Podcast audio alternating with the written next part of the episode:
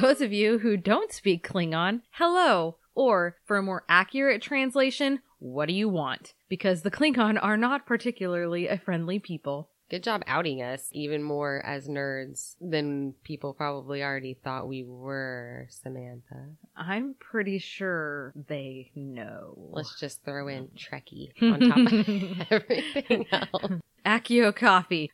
let's let's get real about this. Bring in your disgusting Earl Grey. Right? I definitely feel like I should be drinking hot tea for this episode instead of coffee. I'd probably drink some hot tea if it wasn't so gross. Anyway, welcome to this week's episode of Bigfoot for Breakfast, home of the mysterious and the macabre, where we sit in a studio every week challenging conventional thought. We are your hosts, Samantha Carter. And Sarah Jones. Your mission, should you choose to accept it, is to subscribe, rate, and review this podcast if you haven't already. If you have successfully completed phase one of your training, don't be afraid to go above and beyond and share our podcast with your neighbors, friends, and family.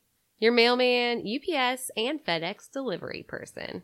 And the person standing in line behind you in the coffee shop, provided they aren't a creepy kid with black eyes asking to come to your house. This message will self destruct in five, four, three, two. On that note, let's start the episode with an inspiring and appropriate quote Things are only impossible until they are not. Captain Jean Luc Picard. You know, as much as I love Captain Jean Luc Picard, and I do, I really do. Bring I've- your ID card to the border guard. That's right. I feel like he is less Captain Jean Luc Picard and more Captain Obvious with that statement. That's kind of a fair assessment. I mean, things would really are only impossible until they are not.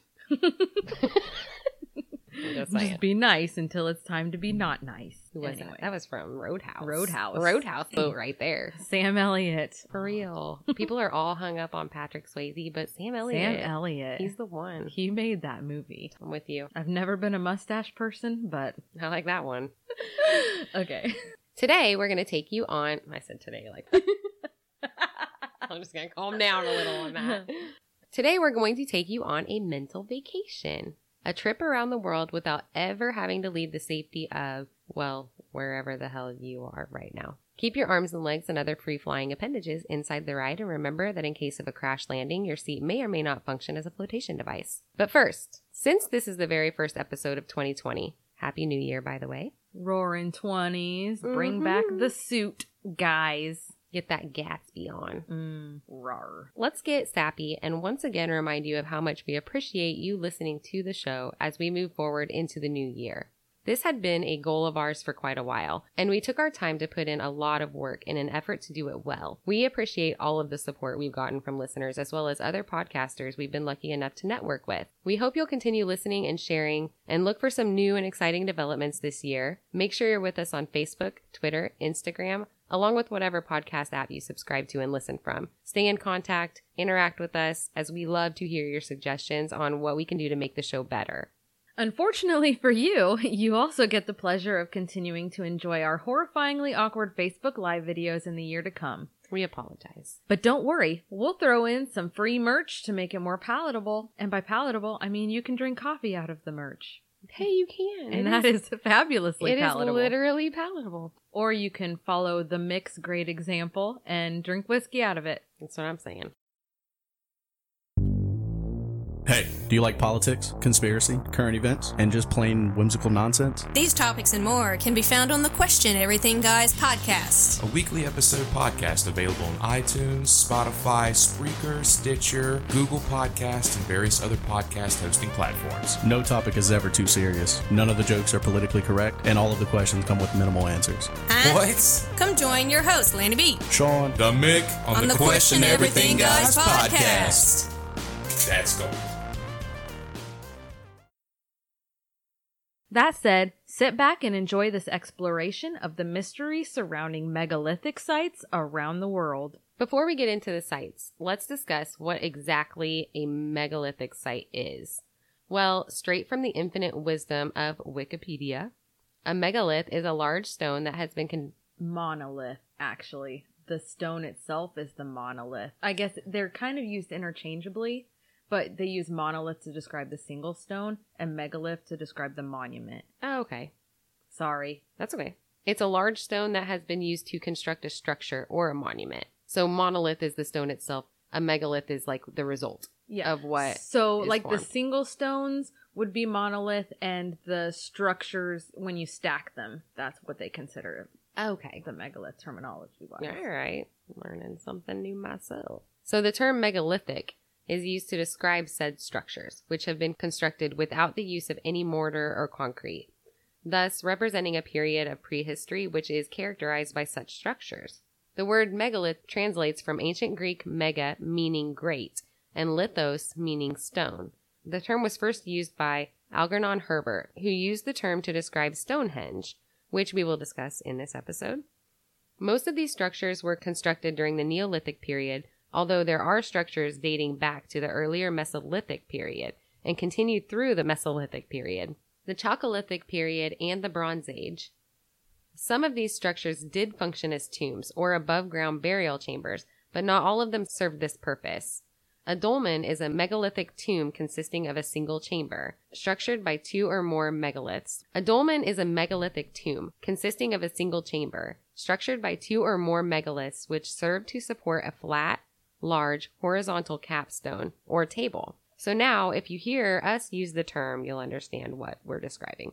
The first destination on today's travel itinerary is the sovereign state of Costa Rica, located in Central America. This tropical vacation destination is not only homeland to an awesome replica of Jurassic Park, Is it? Boom. It is also the home of over 200 mysteriously crafted stone spheres. These spheres are believed to have been carved around 1500 and 500 BC, but exact dating of the stones is pretty much impossible. It's believed that they were created by a civilization which has long since disappeared. The purpose of these spheres is yet unknown. While they appear to have sustained some damage over the years, it's believed that they were originally carved into perfect spheres. We'll post some pictures of all of these awesome structures on our Facebooks for your viewing pleasure. According to the Museum of Unnatural Mystery, would be my favorite kind of museum. The stones were discovered in the 1930s, deep in the jungles of Costa Rica, when the United Fruit Company started searching for a new place to plant their banana trees. I'm a banana. I'm a banana. Look, at, me move. As disease was looming over the eastern plantations. Save, the, bananas, save the bananas.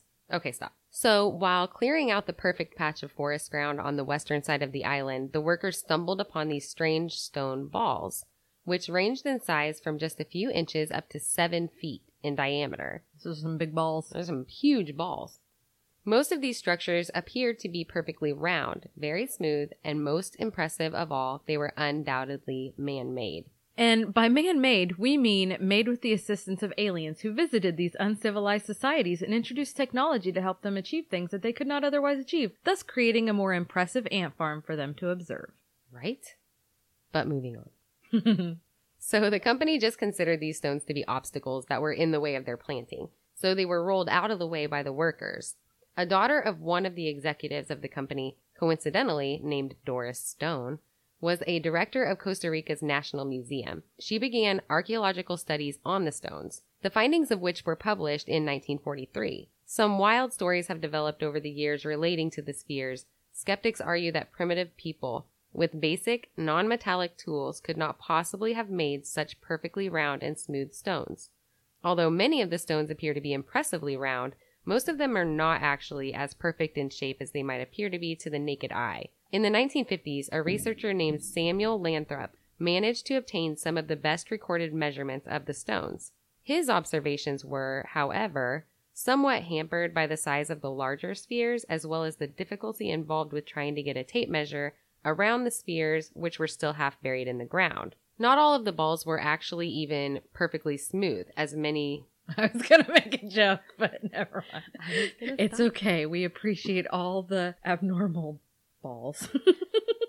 we accept you for who you are. They're good too. Not all of the balls were even actually perfectly smooth, as many display evidence of the tools which were used in their construction. The question we must ask ourselves right meow is why? What were these stone spheres used for? Because there are no written records from the culture that made them, the best way to make assumptions about their purpose is to look at how they are positioned in relation to each other as well as other archaeological artifacts such as buildings and walls. Considering that most of the balls had been moved from their original sites, it's difficult to determine where they were originally located, thus, difficult to use this as a tool for determining their purpose. Some suggest that groups of the spheres were found in geometric arrangements like lines, triangles, and parallelograms. I love that word, parallelogram. Parallelograms. Parallelogram. Parallelogram. you have to say it really like sultry, like Yeah, you can make it parallelogram. it's a parallelogram. I don't feel like I can sound sultry right now. I kind of have a cold. Parallelogram. Sounds more like Gollum. the parallelogram. oh, Lord. Oh, more nerd stuff. Anyway, but truly, it's impossible to confirm these accounts because they were moved. However, these claims have led to speculation that they may have been created as a type of compass or even for the purpose of astro- astronomical observation. They may have possibly been used as a status symbol. According to John Hoopes of the University of Kansas, quote, the making and moving of the balls was probably an important social activity, probably more important than possession of the finished product. We believe that the balls may have sat in front of houses of prominent people, perhaps as a display of power or control over labor. There are some records that indicate that some spheres have been found on the top of mounds, which may validate the status symbol theory, and that's how many of these stones are being utilized to this day. Next stop, fresh pots. Fresh pots. a much more famous example of megalithic craftsmanship is located in the British Isles, constructed nearly 5,000 years ago during the Neolithic period. Stonehenge has become a very popular tourist destination. We've all heard of Stonehenge, I hope. Stonehenge is a stone structure consisting of two circles of stone pillars. However, neither circle is complete, so they appear to be more like horseshoes. According to an article on EnglishHeritage.org, prior to the construction of the monuments, there appear to have been four or five pits, which have held totem pole like posts, which date back to the Mesolithic period, which would be around 8500 to 7000 BC. There is no official story on how or if these posts relate in any way to the Stonehenge monuments. About 64 cremations and as many as 150 individuals have been found to have been buried at Stonehenge, which crowns the site as the largest late Neolithic cemetery in the British Isles. Uh-huh. A National Geographic article written by James Owens describes the different theories surrounding the construction of the monument, which include folklore alluding to the idea that Stonehenge was created by Merlin, the wizard of Arthurian legend who magically transported the massive stones from Ireland, where giants had assembled them. Another legend which gives credit to invading Danes who are said to have put the stones up and yet another theory which claims that the monument is the ruins of a fallen Roman temple. Most modern interpretations are no less vivid, as some people would argue that Stonehenge is in fact a landing area for extraterrestrial spacecraft. Other rumors would have you believe that it's a giant fertility symbol which stands in the shape of a female genitalia. Respect the ladies, bruh. Also, for you MCU fans out there, Stonehenge is discussed as an area of power in the Thor Dark World film, and you can bet we are going to discuss that theory later on. I think by far my favorite theory is the Merlin and the Giants. I'm a big fan of that one. I think that's the one. I don't know. I still stand by the alien landing site. Why? They're buried. People are buried. Why? I feel like it would associate more with like Merlin and the Giants. I don't know. Well, if you think about it, if they considered aliens to be their gods descending from the heavens, why wouldn't you bury people at the site where they come down? I don't know. It could be sacrifice easily. It could be sacrifice. That's a possibility. Anyway, let's move on because we'll discuss those theories later. Fine. In Scotland, you can find the Ring of Brodgar, one of the biggest stone circles in Britain.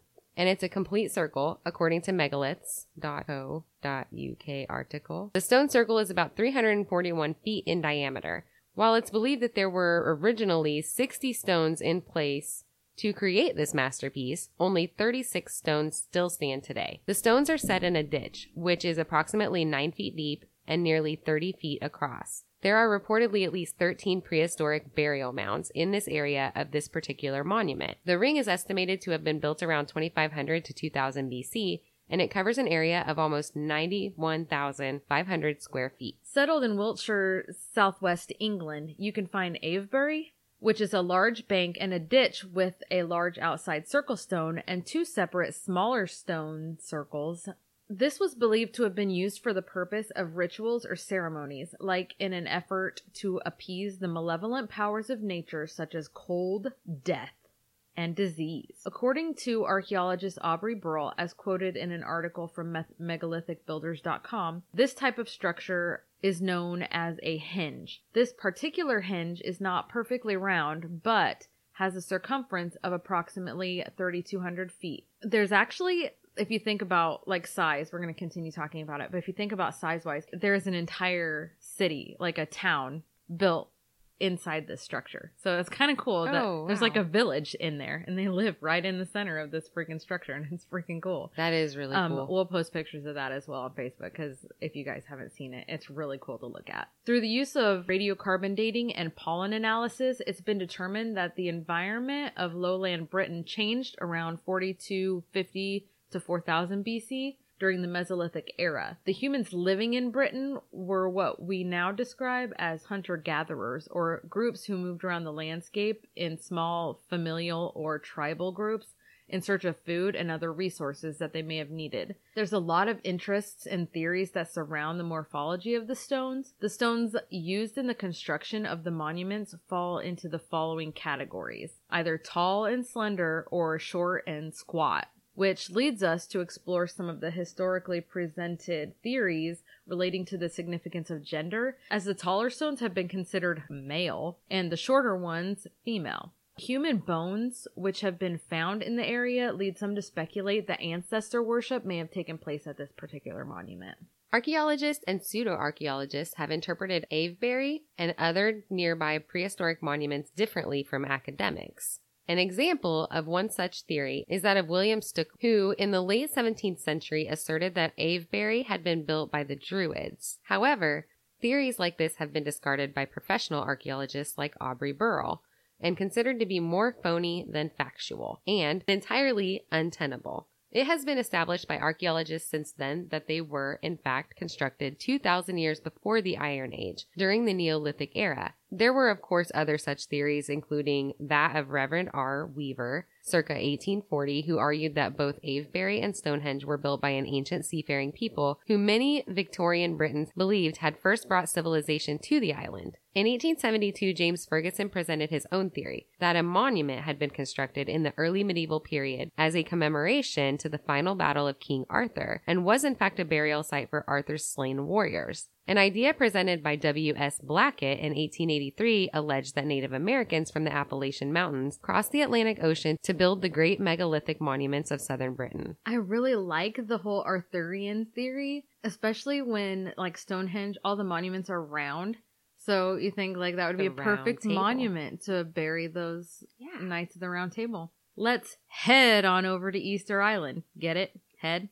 Because the megalith statues are all heads. Giant heads. Okay, so this is one of the more famous of the megaliths. The stone blocks of the island have been artfully carved into head and torso figures, which average about 13 feet tall and weigh about 14 tons per statue. The vast amount of work to not only construct these monuments, but to move them around the island had to have been considerable. However, the purpose of the Rapa Nui people's effort to create these monuments is as yet unclear. It's widely speculated that the Moai were created in honor of their ancestors, chiefs, or other people of import, but there is little to no written and little oral history on the island, so it's nearly impossible to be sure of anything. In spite of the lack of certain knowledge, some assumptions have been made from the evidence available. It's believed that the Rapa Nuis were people who arrived on the island via canoe. They reached the peak of their culture through the 10th and 16th centuries, during which time they had carved and erected over 900 statues on the island, somewhere between 880 and 1200.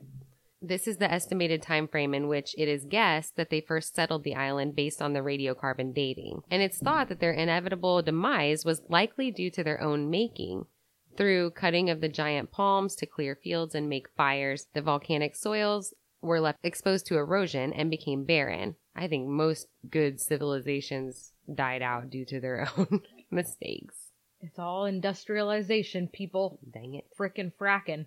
In a 2007 article for Smithsonian Magazine, author Whitney Dangerfield explores some of the mysteries surrounding this intriguing society and attributes a large amount of the forest deconstruction to the rat population, which arrived when the hmm. people did, based on research conducted by archaeologist Terry Hunt. In a 2019 article by Emily Dixon for CNN, the reason for this specific placement of statues is explored, considering that the placement of the statues of their ancestors may have been put near the island's sources of fresh water, possibly to claim ownership of that particular source or to indicate its location. Let's move on to one of my favorite historical cultures, the Egyptians. Egypt is home to a great number of ancient megaliths which have been found to hold astronomical significance. The Serapeum of Saqqara, discovered in 1850, has been claimed to be evidence of a lost ancient technology used thousands of years ago by its builders. The labyrinth features a system of tunnels and boxes that have been carved out of solid limestone bedrock in the desert. What's most astounding about these is the precision with which they were carved. The purpose of these boxes is speculated upon because while they have been thought to have been tombs, many of them have been found to be completely empty. Another Egyptian site, Nabta, is a stone circle, a series of large, flat, tomb like stone structures accompanied by five lines of standing megaliths, some of which are toppled. According to the University of Colorado astronomy professor J. McKim Malville, Nabta predates Stonehenge and other prehistoric sites around the world by almost 1,000 years. According to Malville, this is considered the oldest documented astronomical alignment of megaliths in the world. Not only that, but the construction of this site, which is purely ceremonial, requires a large amount of effort, as many of the stone slabs, which reach up to nine feet high, had to be dragged to the site from distances up to a mile or even further. Some of the more well known megaliths of Egypt include the Temple of Hatshepsut, which was built on a terrace with three levels featuring a massive 100 foot causeway leading all the way to the top of the temple, the walls of which were decorated with illustrations of the female pharaoh Hatshepsut. The Karnak temple was built in the 14th century using sandstone and was built for the purpose of worship. Its pylon towers feature military triumphs and several pharaohs. When I think of Egypt, the first picture in my mind is the Great Sphinx of Giza, one of the eight wonders of the ancient world, which researchers have yet to determine for sure who built it. The Sphinx is a giant limestone statue that has the head of a human and the body of a lion. It's over 230 feet long and around 65 feet high. A 2015 article by M. Arbeiter at mentalfloss.com states that the Sphinx of myth typically had wings of a bird, which this particular Sphinx does not have. One of the other features of the Sphinx, which is notably missing, is its nose. All kinds of myths surround the mystery of the missing nose, the most notorious of which blames Napoleon Bonaparte for blowing the nose away in a fit of militaristic pride. I mean, what better way to like prove your worth? Than rhinoplasty? I'm gonna blow the nose off this sphinx. oh my god, my nose. I look like Michael Jackson. I thought of the same thing. Anyway, so while it's an amusing story, sketches of the Sphinx from the 18th century show pretty clearly that the rhinectomy occurred before little Napoleon was even born. Dang it. I was hoping that was the thing. My favorite aspect of theories regarding the Sphinx and other Egyptian monuments is obviously the ones with spec- which speculate on the ancient Egyptians supernatural comprehension in regard to extraterrestrial matters. Some scholars have discussed the sphinxes accompanied by the pyramid of Giza's inclusion in a massive power harnessing machine, which was intended to absorb energy from the sun.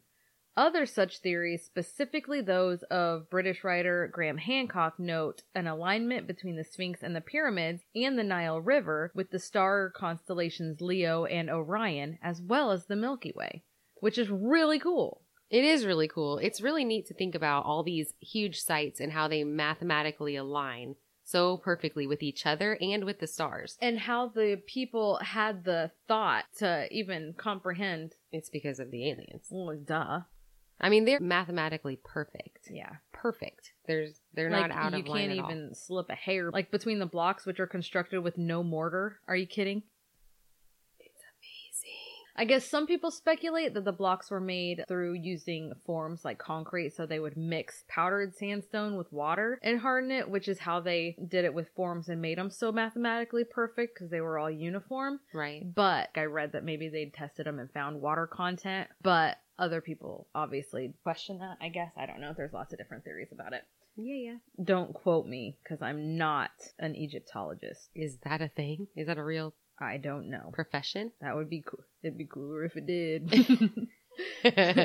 anyway, That's true. Okay, so we've led the way to the pyramids of Giza, which, according to the National Geographic contributor Brian Handwerk, they were Work, work, constructed. work, work. Anyway, They were constructed around 4,500 years ago. In case you didn't pay attention in sixth grade history class, the purpose behind these amazing structures was primarily to prepare for the afterlife. The pharaohs erected temples dedicated to the gods as well as these massive pyramid tombs for themselves, and they filled their tombs with all the things that they thought they would need to sustain themselves in the next world. I want gold. Not only their riches and other possessions, if I recall, they may have taken servants with them also. Wouldn't that be horrible to be the chosen well, think about those societies where if the husband died, they'd burn him on The the, funeral pyre, pyres? and the wives would have to go too. They just have to burn on there. Sorry, That's nah, your husband. nah, brah. Nah is right. Bruh. The engineering feats of these particular pyramids are so impressive that scientists even today are uncertain of how the pyramids were built. I'm, not, saying, it's aliens. moving on. In Indonesia, we find Bada Valley. Bada bada. Bada Bada. Bada Valley, where hundreds of megaliths have been discovered, many of them carved into human like forms with round eyes, eyebrows, cheeks, and chins, some even with large genitalia. Of course. Of course. You know those. you Come know- on, guys. You know what guys built that. don't be such a man. However, very little is known about them. I guess I don't know. It doesn't specify male genitalia, but I don't know why you would carve a very large female genitalia. Maybe I don't know. Maybe it was like a sign of prominence. Anyway, okay. Very little is actually known about them. So they were first discovered in 1908, according to AncientOrigins.net. It's still not been established for certain when they were made, nor are they certain of who created them. It's been debated if they were made by a culture which was responsible for other megaliths in other parts of Southeast Asia. However, the unique design of the Bada Valley statues leads one to believe that they were likely created by an entirely different group of ancient peoples. Interesting. Yeah, and you should see those pictures because they're kind of creepy. Are they? I didn't see any of the giant penises, but I did see some of the face statues, and it's kind of weird. As is the general consensus with most statues, ancestor worship, ancestor Worcestershire, uh, I just looked this up and it is called it's Worcestershire. Worcestershire. Yeah, Worcestershire. I but it's it. still funner to say Worcestershire. Well, funner is not a word either. More better. Mm. More gooder. Ancestor worship is the assumed purpose of these bad boys as well. There are legends that surround some of the statues, including one about a rapist who was turned to stone. That's what you get. Right. So, this statue has really deep cuts or gouges in the stone, and it's rumored that these are knife wounds which were sustained by the rapist. Get stabby. Another such statue is considered to have been a village protector, but was turned to stone after stealing some rice. Man, they're harsh. So he protected the village, but he stole a little rice and they just were like, From being a hero. right? There are plenty of theories regarding these stone figures as described in said Ancient Origins article. They may have possibly been erected with the intention of warding away evil spirit and possibly have powers of the supernatural variety, which I like. Some of the ancient cultures may have believed that the statues were able to move on their own from one place to another. It's very possible that these could have some relation to human sacrifices or, as speculated in other cultures, were just tributes of respect to their ancestors. I feel like there's been a lot of scary movies made like that where they've moved around. Like, have you ever seen Mannequin? What about, what was that? Mannequin. I wonder if they've ever broke any of them open. What if it's like House of Wax and they just like put the people inside the stone?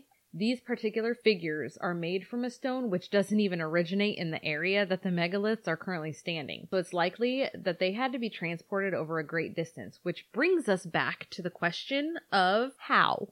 And why? How? Why did they make it in one area out of this stone and bring it to this specific spot? Well, they moved themselves. They may have walked there. They could have rocked and rolled because they're rocks. You're so punny. But yeah, I don't understand. You would think that with their limited technology, they would have tried to do things in a way that made it easier for them. So use the materials that are available in the area as opposed to finding specific materials in other areas and dragging billion pound boulders over 100 miles to, I don't know. So, which kind of makes you think, what are the significances of those areas, which we're going to talk about later? Mathematical alignment. And power spots. Yeah. Yep, yep, yep, yep. Anyway. But still, even if they are power spots, why did they need that material in that spot? Yeah. It seems like there was a correlation there that it had to be specific. Yeah, and I don't know if it's like con- conductivity, like, or like a m- magnetic yeah, type which situation. we're gonna discuss. Okay. I love it. All right. As you can see, Sam wrote this, and I have not yet read it. So I'm trying to guide you through this. I'm going along. I'm going along with this episode. This is all Sammy. All right, let's bounce back in the direction of South America to Peru. You said Sammy on here, and now people are going to call me that. I didn't know you didn't like that. There are a very limited number of people in the world that are allowed to call me that. Like, what do you do to them if they do? Um, I will stab you. she won't. She might. I don't know. She might. don't know. She's never done it to me. Actually, you'll like bust a beer bottle and stab me with it. You're way more likely to stab a mother than I am. I am not. Sheesh. Sheesh. well, I get really mad. I might throw something at you, except you're also way more likely to do that than me. Exhibit A, laundry basket. Exhibit B, Laundry basket. Exhibit C, butcher knife. Exhibit D, your husband. Okay, the butcher knife situation was not true. It was a butter knife. He just exaggerates everything. Anywho. Let's bounce back in the direction of South America to Peru. Yes, we have to talk about Machu Picchu. How do other things get such cool names and I end up with Sarah? Would you like me to call you Machu Picchu? Kind of. what was the What was the name from that other podcast that we wanted? Oh, Keeper of the the Eternal Flame. Keeper of the Eternal Flame. I think that's one of the more fun names to say.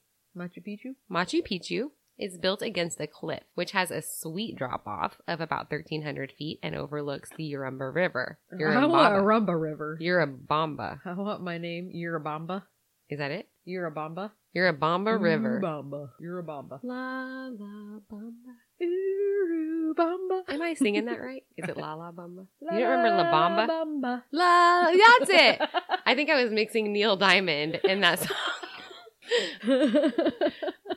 right? yeah. Bamba. It's still it's on there. Is Yeah, that part of that Yeah, song? or is that the Neil Diamond song? I don't think Neil Diamond has a La Bamba song. I'm doing the Neil Diamond dance. I've sh- never seen Neil Diamond do that. Well, in Saving Silverman, when they're imitating Oh. Neil Diamond, that's what they're doing. I guess I don't know. You're doing Steve Zahn as Neil Diamond. Steve Zahn did a mean Neil Diamond. I thought we were in Panama. Where am I at? You're a Bomba. You're a Bomba River. We got really sidetracked. Woo! Sweet Caroline.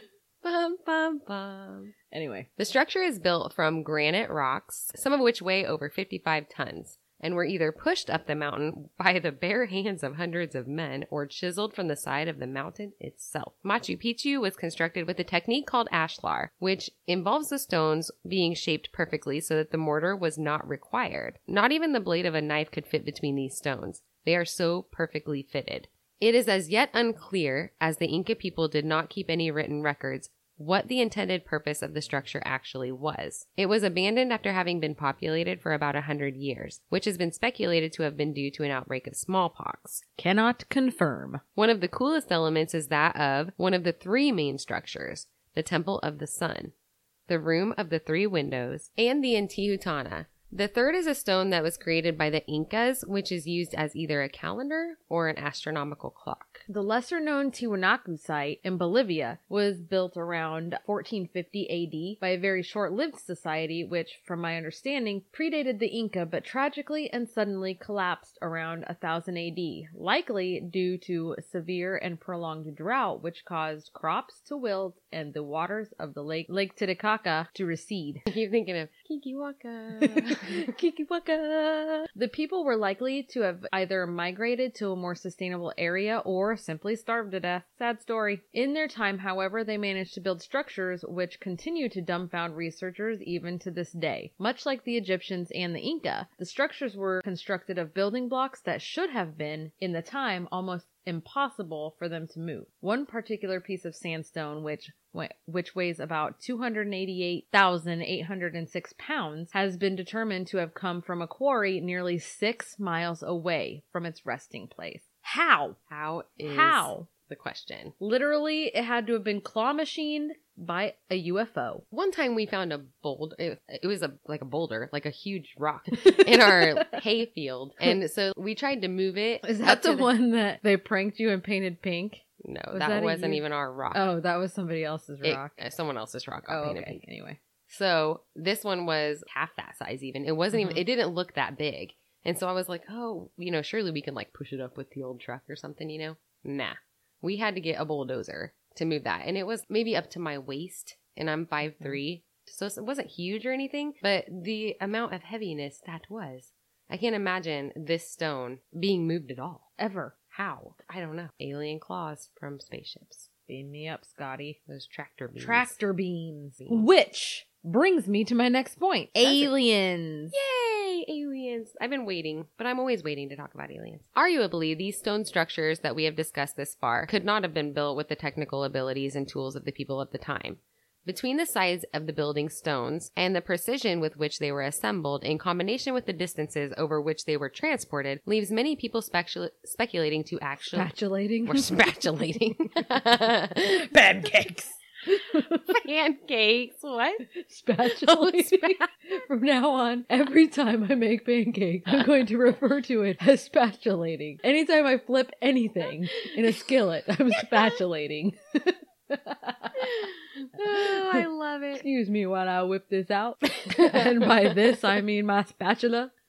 leaves many people speculating who actually built these amazing structures. It is no secret that Giorgio Tsoukalos is one of our favorite people on the planet. If you don't know who he is, we'll tell you. Tsoukalos is the publisher of Time magazine as well as a consulting producer and an on-screen personality of the show Ancient Aliens. He speaks directly about many of the monuments we discussed today. And just a reminder, we are merely presenting multiple points of view and theories on the possibilities speculated by researchers. With that said, I'm going to throw out some of his specific statements regarding these sites as they present questions that lay people like us might not consider. I am going to hijack a couple of quotes from a 2016 article by Dustin Turner. Find the link on our cited works listed on our website and read a little more in depth on the subject, or just watch Ancient Aliens. Sucralose. Tsoukalos. And I'm going to go ahead and say, all disclaimers aside, I believe everything he says. Aliens. Giorgio Tsoukalos and Elon Musk, baby. I find you very believable. In regard to Tiwanaku, he says this quote, You find remnants of monuments that stood there thousands of years ago. And now all you find are gigantic platforms scattered about. There are sandstone slabs there, but there also is andesite, which can easily be discerned from the sandstone. Now, you cannot cut andesite with tools archaeologists say people had back then. According to archaeologists, they only had copper or iron tools. Right there, we have a problem because you can't cut andesite with iron or copper tools. So my question is, how is it done? Beams from UFOs. End quote. yes. Alien. So we're all asking the same questions, but Tsoukalos, you're supposed to answer the questions. Right, he keeps just asking, and I'm No. looking for answers. He can ask, and Elon Musk can answer. That's right. I have can. faith in Elon. Tru- I'm looking to him to pioneer the future. I like it. Elon Musk, We mention him in almost every episode. Uh, uh, especially the ones that I write. and in all of the QE guys' lives, because Elon Musk is the answer to all questions. Maybe. You're giving him a whole lot of weight here. I, I say those things half seriously, half joking because He's just a really cool guy. I just really like the way that he literally is fumbling his way through his genius. Because I mean, he's he's like a super intelligent person, but he's like tripping over his shoelaces, giving demonstrations about these indestructible cars. He's a very likable personality. windows with it. and I love on the video, did you see that where they were showing that new truck and they were supposed to be demonstrating with the bat how the windows weren't going to shatter? I did not see this. What? And they hit the windows with the bat and it shattered. and then they hit That's the second window with the bat and it also shattered and his face was literally just damn. Dag nabbit. Tsoukalos points out three different masonry styles in Machu Picchu. Johnny. You good? Yeah. specifying that the material at the bottom is significantly older than what followed with smaller stones. So he poses the question why would older civilizations who supposedly had less technology use larger blocks? Because they had the aliens. Yes. Of Easter Island, he poses the question of not necessarily how they carved the stones, because it's volcanic rock, which is very porous and easy to work with. But I'm interested in the question of transportation. The go to answer is wooden rollers, but the Moai are bigger than what you see, and many of the statues are partially buried. The weight would require enormous wooden rollers, but where are these rollers? And many of the statues are not partially buried, they're like mostly buried. Yeah. They're huge. we can verify what trees were on the island at the time, and those trees didn't have trunks big enough to use for this purpose. The fact that the island is one of the most remote places on Earth also poses some exciting points of speculation of ancient astronaut theorists like Tsoukalos. But if you think about it, when we talked about how they had overdone it with the cutting down and burning of the trees, it's possible that they used the rollers and then burned them for supplies. Yeah, absolutely. And I think the role it is an arguable theory. It's feasible. Absolutely. It would just, I mean, that's kind of what I believe too. Except some of it, even with wooden rollers, that 200,000 pound Yeah. rock. I guess I'm not giving them enough credit. You know, they Yeah. were capable of amazing things, obviously. Argues with your next point. It does argue with this.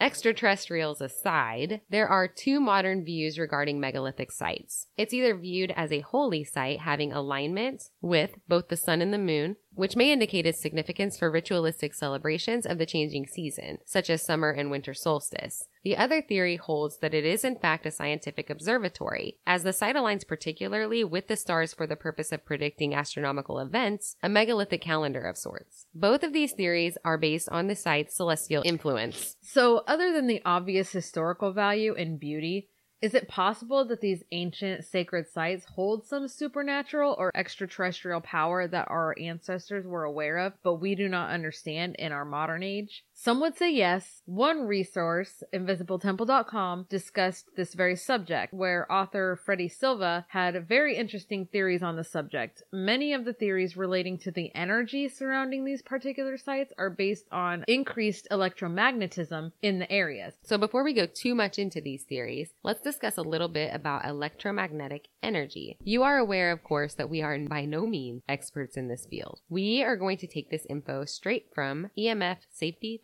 So what is an electromagnetic energy wave? An electromagnetic energy wave is a complex form of energy composed of oscillating electric and magnetic fields joined together and capable of conveying energy to the matter it intercepts. Electromagnetic energy exists over a vast wavelength or frequency range. Infrared, visible light, ultraviolet light, X rays, and gamma rays are all forms of electromagnetic energy at extraordinary frequencies. Electromagnetic energy follows clearly defined rules in its behavior, from the creation of the energy wave to the travel of the wave through space and the atmosphere of the Earth, and what happens when it meets matter of all kinds. The behaviors are sometimes complex and sometimes simple, but they all share the fact that whatever the electromagnetic energy wave is doing, or what energy is imparted into the things around it is dependent on the wavelength or frequency of the energy wave. A 2017 article by Forbes magazine discusses how the human body itself creates electromagnetic fields. I find this is relevant as it relates directly to some of the theories on the healing power present at some megalithic sites. I'm going to quote directly in order to make sure that we're doing an adequate job at explaining. So here's the quote I want you to imagine me punching you hard in the nose. Trust me. It'll help make this description more fun. Imagine you said something rude about my mother if it helps. Did it hurt? I'm no fighter, but I imagine it probably did. Why did it hurt? Well, my fists connected rather rapidly with your face, and that ought to do it. But what does it mean to connect or touch? Our bodies are made up of cells which are made up of atoms. How can I punch you if your face, and indeed my hand, are just made up of fuzzy balls, fuzzy handballs? There's no concept of solid at this level. So why should my hand make contact with your face? The answer lies in the electric field. Every atom has its own electric field, and when you put two atoms close together, they can mess around with the electric field of the other. End quote. So according to this article, human bodies are in essence giant EMFs which hold our atoms together, allowing us to exist as a coherent entity. I think that's the end of the quote. I feel like this article did a really good job of breaking things down to a level that's easy to understand. I definitely understand getting punched in the face. Mm, I don't, and I never will. Ow. I would be that guy. Why'd you do that? Why is it that when people visit these sites, they often report feeling strange sensations? These feelings are often attributed to being in awe of these amazing structures, but according to Freddie Silva, there's evidence that proves that this is not a simple case of being awestruck. Many of these locations have measurable increases in electromagnetic energy surrounding them, which creates an environment in which a person may be able to enter an entranced or altered state of consciousness. Speaking of altered states, check out the Altered Thought podcast. In case you were wondering, it's a podcast by, Sean Carroll of the Question Everything guy. yeah, they branched off, made a Sean new, and Semper Fi Rob. Sean and Semper Fi made a new podcast along with the QE guys too. And it's pretty interesting. So give them a listen. Check it out. It'll blow your mind. Mind blown. Thoughts altered. Okay. Okay. Um, there was a study conducted in 1983 by engineer Charles Brooker in an effort to locate magnetism at ancient sites. The site subject of this particular study was Rollright Stone Circle, which is located in England. A magnetometer was used to reveal that a band of magnetic force was attracted to the stone circle through a narrow gap of stones, which acts as an entrance. The band spirals toward the center. There were two stones on the western side of the circle, and they were discovered to be pulsating with rings of alternating current, which are described as similar to ripples in a pond. The analysis led Brooker to state how the average intensity of the field within the circle was significantly lowered than that measured outside, as if the stones acted as a shield. I think that's cool as shit. That is cool. yeah. How do they know? As such an ancient civilization, but how did they know which materials in these spots would create these results? So part of me speculates that maybe since we're kind of spoiled as as a people now, maybe they had enhanced senses. They could feel it more because I mean like us we're desensitized to it because we are surrounded by increased I mean Wi-Fi, we feel that shit all the time. It's everywhere. You know, it's where everywhere. None It's of that was air. here. So they Yeah. could literally So feel if- it. Yeah. Yeah. I feel like that that's a very good possibility. I think so too. And if you think about it, they were probably a lot smarter because they weren't distracted by smartphones. They had nothing to do but just figure stuff out all day. they got a team of people just figuring stuff out. Just teaming up and figuring things out all and they day got long. teams of other people backing them up. I feel magnets here. Let's put this here and see. You know? Yeah, so, I think like, I would attribute it a lot to probably they probably had more in tune senses. I really feel that way. I wish though. I wish that all these things didn't exist today, so we could have more in tune senses Right. and less cancer. In it, right, less cancer for sure. Thanks, Big Pharma. And Wi Fi. So, other studies conducted by physicist John Burke discovered that the stones of Avebury are deliberately placed and aligned in order to focus electromagnetic currents to flow in a premeditated direction using an identical principle to modern atomic particle colliders, in which airborne ions are steered in one direction. So, I don't know what that means, but it sounds fascinating. Once again, very sciency. Um, so the Carnac region of France is home to some 80,000 megaliths in a concentrated area. And it was also investigated and was found to contain similar spiritual technology at work. The lead researcher in this study, electrical engineer Pierre Méreaux, was quite skeptical of the theory that megalithic sites may possess any power. His study of Carnac, however, revealed to him that its dolmens do appear to amplify and release energy throughout the day, with the strongest readings being noted at dawn. The voltage and magnetic variations follow a phenomenon known as electric induction. To quote Méreaux, the The dolmen behaves as a coil or solenoid, in which currents are induced, provoked by the variations, weaker or stronger, of the surrounding magnetic field. But these phenomena are not produced with any intensity unless the dolmen is constructed with crystalline rocks rich in quartz, such as granite. I highly recommend you do some of your own reading on these studies. They are so interesting, and we can only include a limited amount of information in the time that we have for this episode. Me and Sarah were talking about on our break, we were talking about the why. Why would they have chosen the specific stones that they did, and why would they make their life so much harder by dragging specific materials such great distances to specific spots. But I think that goes along with them understanding the specific materials having greater conductivity for the electromagnetic energies in the spots where they took them. Exactly. They knew that they would produce results there. But also probably because the aliens told them so. That's what I was saying. The aliens gave them this information. We have the technology. They're still helping us out with that. All right. The fact that there are so many cultures around the world that seem to observe and recognize that these certain places on the face of the earth possess a higher concentration of power than others leads me to believe that they can't be simply coincidence. The Hopi called these sites spots of the fawn, and these spots became the foundation for many of the sacred sites and temple structures that stand today. Even more interesting is that most of these cultures recognize an umbilical like connection between these sites and what we would define essentially as their heaven, and that the human soul is capable of connecting to it during rituals, as well as acting as a conduit for the spirit world to enter into our physical plane. In 2008, NASA published details of the investigation into FTEs, or flux transfer events, in which they describe how the Earth is linked to the Sun by a network of magnetic portals, which open every eight minutes, which very well may prove these theories. I can't wait to start getting data from freaking Space Force. Space Force! I love Space Force. Me too. I am so excited.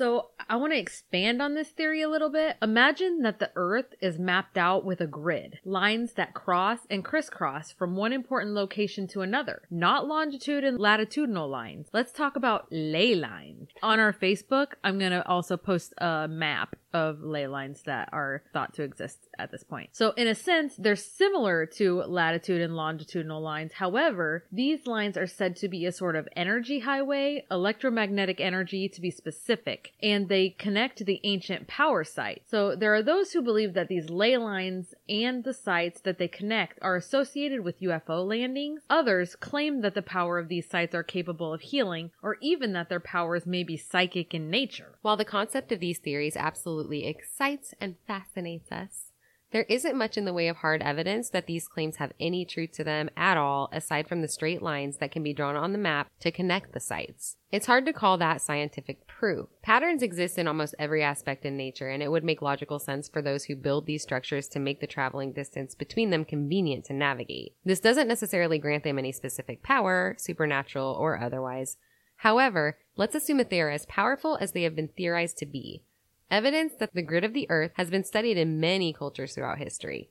According to Disclosed TV, as we understand them today, ley lines are connections of landmarks such as the aforementioned megaliths, prehistoric ceremonial sites, or church buildings. It is also claimed that it is just another name for terrestrial radiation. The closest explanation for the grid, again, according to Disclosed TV, was that it was a prehistoric system of national surveying which is based on astronomical principles and energetic foundations determine the location and orientation of the structures. Once again, I do highly suggest you do some of your own reading on these, and we will definitely do some more in-depth discussion on them in the future. Once again, Sam will post some of the map images on our Facebook page for you to check out. I want to go back to the possibility of aliens because we can't it's stop so, going back there.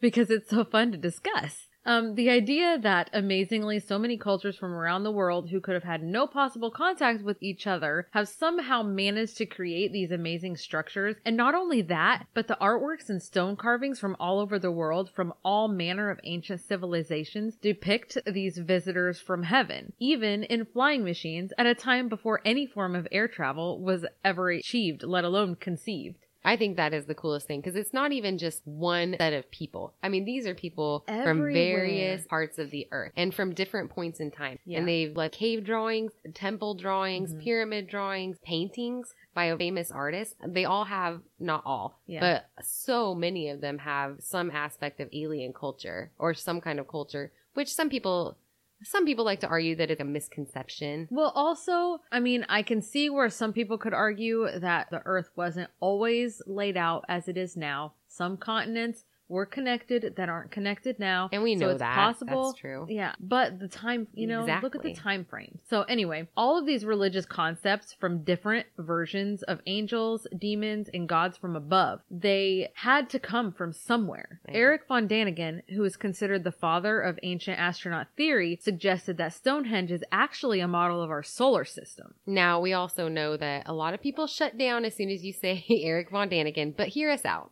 Just hear us out and hear him out. Even if you don't believe the stuff that he says, isn't the idea isn't just cool to think about? We want to explore all the theories. All We want to explore all angles of this. So, Others might suggest that it was a landing site for UFOs or as an observatory for UFO watching. The idea that we as humans are not alone in the universe just excites the heck out of me. I know that we've kind of explored this idea in a couple of other episodes, but how can we how can we not? There are almost 4,000 known planets around other stars according to NASA. How is it possible that none are capable of sustaining life? I think there is, and that's why we'll come up with we'll come up with something now that they've really been studying that with the Kepler telescope. Yeah. Remember we just discussed this in the Great Dying episode, and they've already found Yeah. a few. we as a people are getting so much closer to being able to find life other places. I don't even think that we are we are not even close to the most intelligent life No, out no, no, there. no. You know, they've talked about I don't remember which episode we talked about it in, but time slips Yeah. where other beings have found this technology where it takes us years and years and years to travel a certain distance through Mhm. space. They have been able to come up with technology that takes them straight through Yeah. time, you know, and straight through all these distances where they basically step through a doorway into where they want Yeah. to be. I would consider our society still as quite primitive.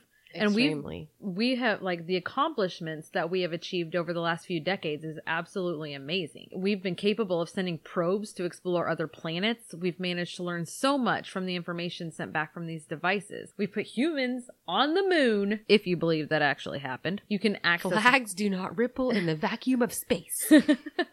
can even access weather reports from the planet Mars on a phone app. I didn't know that. Yes. Even our understanding of our planet, its history, and its functionality has grown leaps and bounds. However great a mystery, it still remains. Oh, so shout out to Angie with this extra long episode to get you all the way from point A to point B. That's right. She's been like upset with us because we missed last week because I was 100% dying. Well, didn't. 99% because you made it. I did. I cracked through that, but it was rough. But yeah, her her drives are a little bit longer than our typical episodes, so we're trying to push the bounds to get her to her destination Going all the way, Angie. all the way. Here's your shout out. Now, pay attention for the announcement of our contest this week so you can get yourself a DAMN mug. That's right. You'll say the F word in here, but you're going to spell damn. Yep. Continue on. Carl Sagan. I've been waiting to talk about Carl Sagan. Carl Sagan said it's an ancient human theme. You can find it in virtually every culture in some guise or other, in religion, folklore, superstition, and now in science. The search for life elsewhere is remarkable in our age because this is the first time that we can actually do something besides speculate. We can send spacecraft to nearby planets, we can use large radio telescopes to see if there is any message being sent to us lately. It touches the deepest parts of human concerns. Are we alone? How common is this thing called life? This thing called intelligence? Where do we come from? What are the possible fates of intelligent beings? Need we necessarily destroy ourselves? Might there be a bright and very long future for the human species? We tend to have such a narrow view of our place in space and in time, and the prospect of making contact with extraterrestrial intelligence works to de-provincialize our worldview. I think for that reason, the search itself, even without a success, has great merit. I believe strongly that truer words were never spoken. Even if we never find what we truly seek, look at all the knowledge that we have gained along the way. How could anyone argue that it's a waste of time or money or resources? Even the composition of the human body bears similarities on a molecular level to these stars themselves. The same carbon, nitrogen, iron, calcium, hydrogen, and oxygen atoms that compose the human body can be found burning bright out in the universe, obviously in different percentages. Carl Sagan said it best. We're made of star stuff. Oh, I love that. I do too. He's a little bit of a romantic. He is. I like him. I don't know about you, but that makes me want to put on some glitter. Yes. Actually, it doesn't. Sam totally wrote that, and I hate glitter so much. Sam, you But we're made of star stuff. you just glitter it up over there it makes me happy. while you're sitting by an enormous pink glittery unicorn from my daughter's room. It cuddles nicely in my chair. We'll post that on Facebook too. All that said, it is also very possible that the pyramids were truly erected at the hands of hundreds and thousands of likely enslaved men with the great expense of blood, sweat, and lives lost. You know what? It's kind of like today with the Nike. Did you see that meme today on Facebook? Yes. where the Nike women are working for cents per hour to make these Nike shoes so they can pay Colin Kaepernick how much money to do these things that he is doing. like talk about, you know, human rights and oppression. An article from livescience.com explores the different theories that may have made this a possibility. One such theory is that the massive stone blocks used to build the pyramids were pulled by a contraption which was constructed for such a purpose. And the sand in front of the contraption was wetted down to make it easier to glide the blocks over the top of the sand. A 2018 article by Becky Little for History History.com explains that a 4,500 year old ramp system had been discovered, which could offer some explanation to how the pyramids were built. The ramp itself may have been used to haul stones out of a quarry and dates back to the time period of the pharaoh who's responsible for the construction of the Pyramid of Giza, whose name I am not going to attempt to pronounce. However, Wait, let's put a disclaimer in right there that thus far, all the things we have pronounced, we are very sorry if they are not correct. We did our best. which when we check the pronunciations, most of the time they're being recited to us by robots, so cannot confirm accuracy. Oh, British robots at that. Right? However, this theory has been called into question regarding its significance regarding the construction of the pyramids, as the ramp was in an alabaster quarry, and we know for certain that the pyramids were not constructed of alabaster. You got upset. Well, don't try to tell me it wasn't aliens. Anyway. Whoa. anyway. that was my passion. Just hug the pink unicorn. We're made of star stuff. Pet the furry wall. Pet the, Pet the furry wall.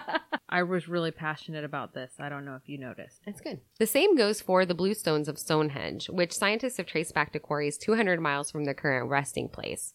One theory presented by Gary Levin is that they were transported by basket like wicker cages that were used to roll the stones over long distances by large groups of men or even oxen and were then used for flotation across rivers. However, the prototypes for these baskets have only successfully tested on slabs that weigh only one ton, which is just a fraction of the size of the blue stones of Stonehenge. Falling short, Mr. Levin. Mm-hmm. A retired construction worker from Michigan named Wally Wallington Yes. Yep. Demonstrated that a man alone could move a one ton concrete block by placing walnut sized rocks underneath it and spinning them. With one person, this one ton stone could theoretically be moved 300 feet per hour. With a team of men, much bigger stones could be moved in such a way. I want to point out that he managed to prove this theory while building a replica of Stonehenge in his yard by himself. What a stud. Right? Wally. Wally Wallington. That's how you do the things. We sort of already discussed the theory of log rollers for the ground transport, and then the conversion to rafts for floating up rivers. My favorite theory outside of the aliens theory is the magic theory. 12th century writer Geoffrey of Monmouth let, told the tale of King Arthur. He claimed that it was in fact Merlin who can claim credit for the construction of Stonehenge through the use of magic. Modern science, however, would claim that the stones predate the wizard, which is bullshit, if you ask me. A wizard arrives precisely when he means to. So, that's it for this week's episode of Bigfoot for Breakfast. Hope you found it educational and somewhat entertaining. Make sure you check out the list of cited sources on our website and you can continue to read up on this interesting topic. Also, if you're new to the show, make sure and hit that subscribe button on whichever app you listen from. And if you're feeling generous, give us a rating and a review. We love to hear your thoughts on the show and we take all suggestions into consideration. If you're interested in winning some free stuff, follow us on Twitter and retweet the episode as it's posted on Twitter, or tweet the show link and tag us so we know, or just give us a shout out with the tag to be entered in our latest drawing. Aw, tweet tweet.